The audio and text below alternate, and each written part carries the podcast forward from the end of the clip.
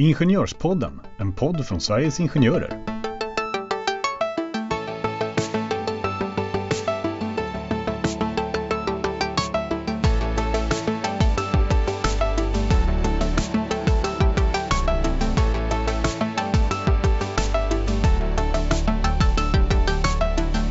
Hej på er allihopa ni som lyssnar där ute på Ingenjörspodden och hej på dig Stina. Hallå Jenny! Hallå! Du Stina, i eh, de senaste avsnitten så har ju vi pratat om olika ämnen kopplat till Corona. Vi har pratat om eh, korttidspermitteringar och a-kassa bland annat. Men Mm. i det här avsnittet så kommer vi fokusera på arbetsbrist som är något vi då dessvärre ser är på uppgång just nu. Eh, vi ska nämna att i avsnitt tre så har vi pratat om arbetsbrist, omplaceringar, turordningar med mera. Så att för er som vill ha en liten grundligare genomgång eh, när det gäller just arbetsbrist så gå gärna tillbaka och lyssna. Vi kommer ha lite annat fokus idag. Ja, man kan ju säga att idag kommer vi prata om lite grann vad som blir kölvattnen av eh, det coronavirus som på väldigt många olika sätt påverkar svensk arbetsmarknad. Och eh, vad som gäller till exempel om man är uppsagd och samtidigt eh, har ett sådant korttidsavtal och lite vilka sektorer som drabbas och reda lite i vilka lagar och regler som gäller. Ja men precis, det är en, en lång agenda på kort tid så att eh, nu kör vi igång tycker jag. Det gör vi.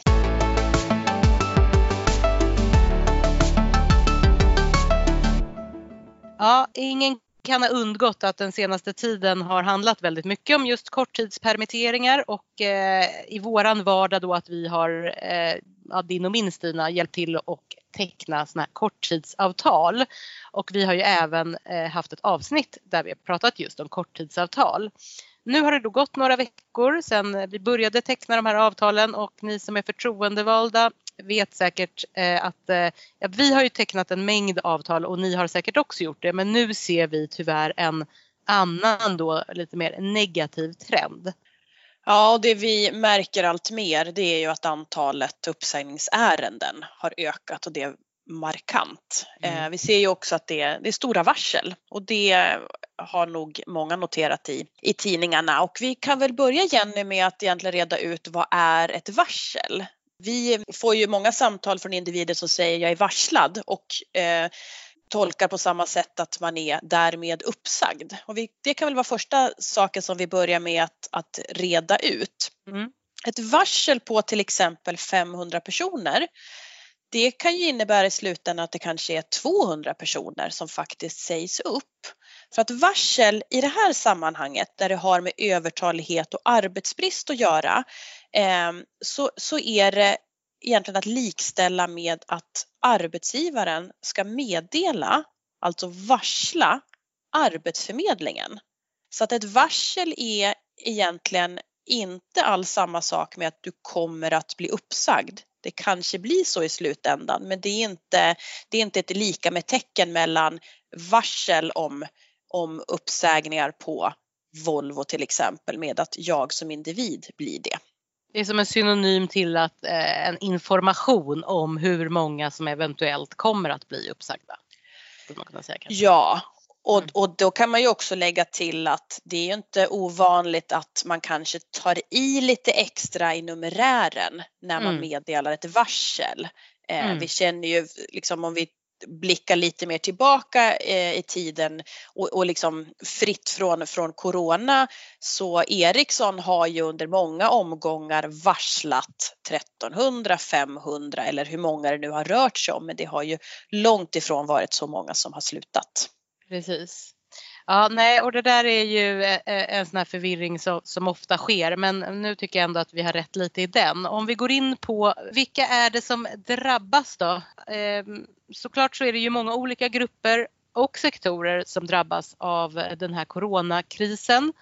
Eh, våran medlemsgrupp ingenjörer har ju historiskt sett haft väldigt låg arbetslöshet och, och nu ser ju vi då dessvärre inom eh, till exempel privat sektor att det är faktiskt väldigt många konsulter som sägs upp på grund av arbetsbrist. Och Jenny, det kan ju vara så att man tror att det är en speciallagstiftning eftersom konsulter är ja, personer, det är väl alla anställda, men att mm. det, det, blir mer personberoende. Att det är en, en individ som har ett uppdrag och då tänker man att men vi kan ju inte förändra situationen för den individen. Precis, det kan ju vara så att det är en konsult från ett konsultbolag på ett specifikt företag och då blir det ju väldigt eh, Känslan är ju att det är just den personen som är väldigt bunden till den tjänsten. Mm. Och då kan det vara så att kunden hävdar att konsulten inte kan bytas ut. Eh, och om det är så att den konsulten kommer bytas ut, då kommer den här kunden säga upp avtalet. Det är ju det vi hör Ehm, från eh, konsultbolagen. Och eh, då kan vi väl bara liksom understryka eh, en gång till att LAS ändå gäller även för konsulter. Så att det är i alla fall en missuppfattning som vi eh, ville eh, reda lite i. Ehm, och det, det, är då konsulter och det är privat sektor. När det gäller till exempel statlig sektor då har vi också sett stora arbetsbristuppsägningar, till exempel Luftfartsverket. Så det är ju inte så att det bara är på privat sektor det sker man kan väl säga bara som en parentes att när man till exempel jobbar då inom statlig sektor då är det ju lite andra turordningsregler. Eh, då är det turordning som ska ske enligt ett centralt kollektivavtal. Eh, det heter TURAS och det skiljer sig då lite från LAS. Man turordnar först i eh, huvudsakligen jämförbara arbetsuppgifter så att det är inte riktigt samma då som turordning i LAS. Men man, man tittar då på först och främst på orten där arbetsbristen finns och i andra hand efter anställningstiden. Så det, det skiljer sig lite granna från turordning. Det är en bra övergång till att, att just prata om så vad säger LAS? Om, om Turas är, är en, en avvikelse eller ett mm -hmm. annat sätt att hantera en turordning så den LAS som vi har idag och som du Jenny nämnde att vi har ett mer utförlig genomgång om det här i avsnitt tre när du och Rickard pratade Precis. ingående om det här. Så är det så att på grund av arbetsbrist så, så försvinner din tjänst mm. eh, så innan jag kan bli uppsagd där man säger att det är saklig grund, det är det här begreppet som man använder för att en, ja det kanske är felaktigt att säga att en uppsägning ska vara okej, okay, men åtminstone att den enligt juridisk mening följer de stegen man ska, ska ta, så är det så att man måste ju börja med att se över, om Jenny, du, din tjänst försvinner, mm. så tittar man på, kan du omplaceras till någonting? Alltså finns det en ledig tjänst? Precis, man, kan väl säga att innan, precis, innan man ens hoppar in i en turordning så är steg mm. ett att se om det finns andra lediga befattningar som ja. man då kan omplaceras till. Det ja. måste man göra innan man hoppar in på en turordning.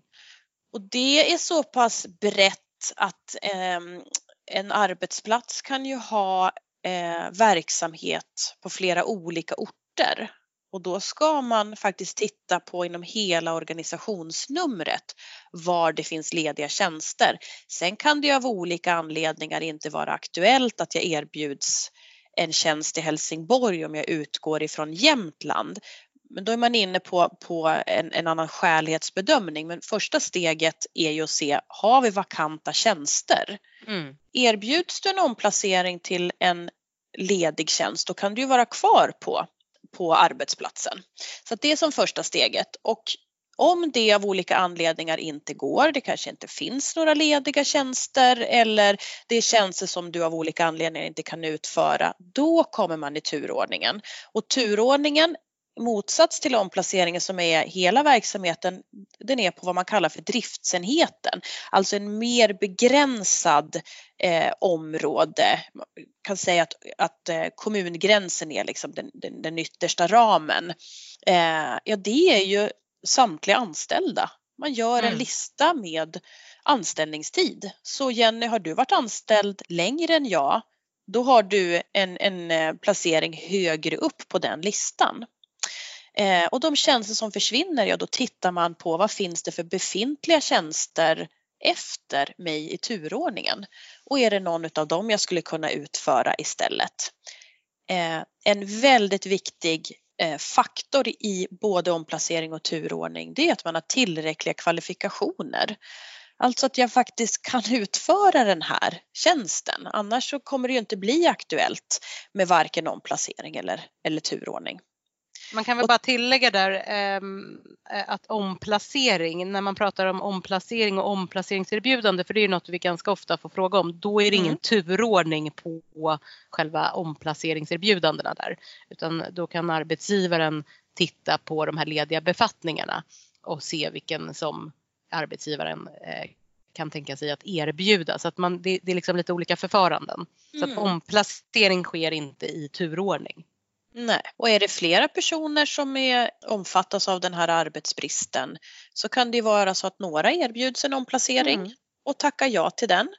Medan andra har då inga, då finns det inga lediga tjänster kvar utan de går direkt in i turordningen. Så att varje situation får man titta på med första steget. Finns det lediga tjänster? Har man tillräckliga kvalifikationer och är det en, ett skäligt erbjudande? Mm och saknas det, då går man in i turordningen. Så det är LAS eh, som, som ju på olika sätt är tänkt att se över, kan du vara kvar på din arbetsplats eller kommer det leda till att du blir, blir uppsagd? Och, och mm. som vi brukar säga väldigt ofta Jenny, du och jag när vi har, sitter både i rådgivning och kontakt med medlemmar att LAS är ju en lagstiftning som inte utgår ifrån ett befattningsskydd eller ett löneskydd så att det vi pratar om eh, liksom vad som är en skälighet i det här bygger många gånger på eh, att det, det, det, det yttersta och det mest eh, ingripande som kan hända är att du blir uppsagd och alla mm. steg egentligen innan det som innebär att du är kvar är då inom ramen för LAS. Så att som Precis. individ och som ingenjör så kan man ju mm. känna mm. att om jag erbjuds oavsett om det är en ledig tjänst eller om det är en befintlig tjänst där någon annan har den just nu så kanske jag inte är intresserad av att jobba kvar med de här arbetsuppgifterna och kanske även med en lägre lön. Men det är en, mm. annan, det är en annan diskussion. Men, men LAS har ett väldigt, ett väldigt tydligt regelverk och som du gick igenom på staten väljer man att hantera det eh, på ett lite annorlunda sätt. Mm, man kan säga att LAS är ju det, det, är lagen om anställningsskydd så att man har ett, ett, ett, skydd för sin anställning, inte för sin befattning, precis som du nämnde. Ja. Men, eh, Stina, om man då, mm. för det var ju en liten genomgång eh, om, om eh, själva eh, hur, hur lagarna ser ut och regelverket, men om man tittar tillbaka då i nutid så så är det ju så att vi har pratat just framförallt korttidspermitteringar. Eh, väldigt många är korttidspermitterade. Man kan ju vara korttidspermitterad liksom i flera månader. Vad händer nu då om det är så att man eh, blir uppsagd ändå som vi nu ser men under tiden man är korttidspermitterad? Det är ju en sån här fråga som vi återkommande får. Vad ja. händer då? Ja, och, och tyvärr, eller hur man ska uttrycka det, så, så är det ju många verksamheter där det som inte räcker med att man har personalen permitterad utan man måste mm. vidta ännu mer ingripande åtgärder. Det vill säga man måste börja säga upp folk och då har vi liksom en specialregel nu under 2020 eller om man uttrycker så här, just nu vet mm. vi bara att den här specialregeln gäller 2020. Eh, det är så mycket som har ändrats längs resans gång här men, men här och nu så, så säger man så här, du kan eh, ha ett korttidsavtal, det vill säga att du jobbar eh, färre dagar i veckan. Men om mm. du blir uppsagd då ska den här löneminskningen som följer med att du, att du har en arbetstidsminskning, den ska inte längre gälla. Alltså du kan fortfarande ha en permittering, omfattas av korttidsarbete, men blir du uppsagd så ska du under din uppsägningstid, då ska du ha anställningsvillkor eh, som inte är reducerade. Så, så, där... kort, så kortfattat så får man sin ordinarie lön men man eh, kan fortfarande vara korttidspermitterad på 20, 40 eller 60 procent. Ja, eller till och med 80 nu 80 som det nu, är under perioden mm maj till och med juli? Ja, för att då kommer man tillbaka till LAS. För att i LAS så finns det nämligen en sån skrivning att du har rätt till dina, ja som du uttrycker, liksom ordinarie villkor under uppsägningstiden. Så att här är väl ytterligare exempel på hur, hur lagar i, inom arbetsrätten korskör lite grann och ibland så gör man avvikelse i kollektivavtal. Mm. mm. Mm. Så, att, så att det är ju eh, just nu så kan både varslad personal och upp, uppsagd personal omfattas av eh, korttidspermittering. Eh, mm. Och I vanlig ordning ska vi säga att eh, ni som är förtroendevalda och eh, som lyssnar så har vi ju information på vår hemsida.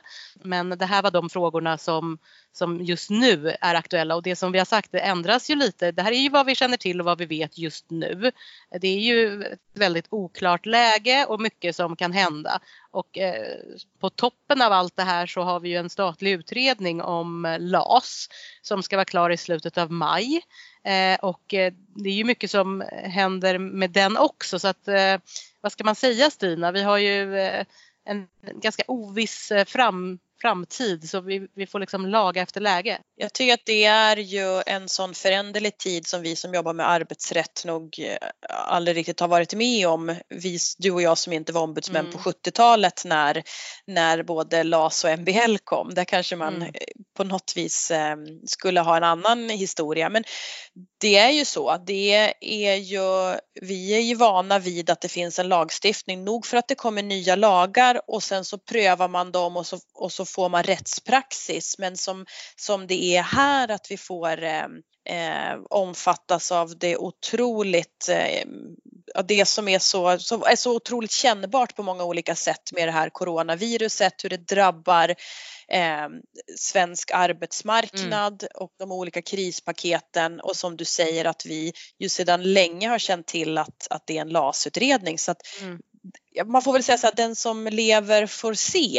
Eh, Muntert enkelt. avslut på den här podden men eh, som sagt eh, vi, vi, vi hoppas ju eh, att detta ska såklart lösa sig väldigt snabbt så att framförallt eh, människor får komma tillbaka i arbete som vi vet är så väldigt viktigt. Men ja, har, du, har vi några andra avslutande ord eller ska vi bara liksom eh, Jag vill tipsa om Mm. att vi ju, eftersom vi är medvetna om att det är, det är föränderligt för oss och det kan vara väldigt också kännbart för, för alla våra förtroendevalda som, som hanterar eh, först korttidsavtalen och sen arbetsbristuppsägningar och, och allt vad det innebär att vi också har ett antal webbinarium just om det. de här ämnena. Mycket Så det kan vi Mm. tipsa om också att man tittar på och, och naturligtvis, du nämnde hemsidan att det finns Mm. FAQ. Så att Mm. det är å, å ena sidan en väldigt spännande eh, föränderlig situation och samtidigt väldigt eh,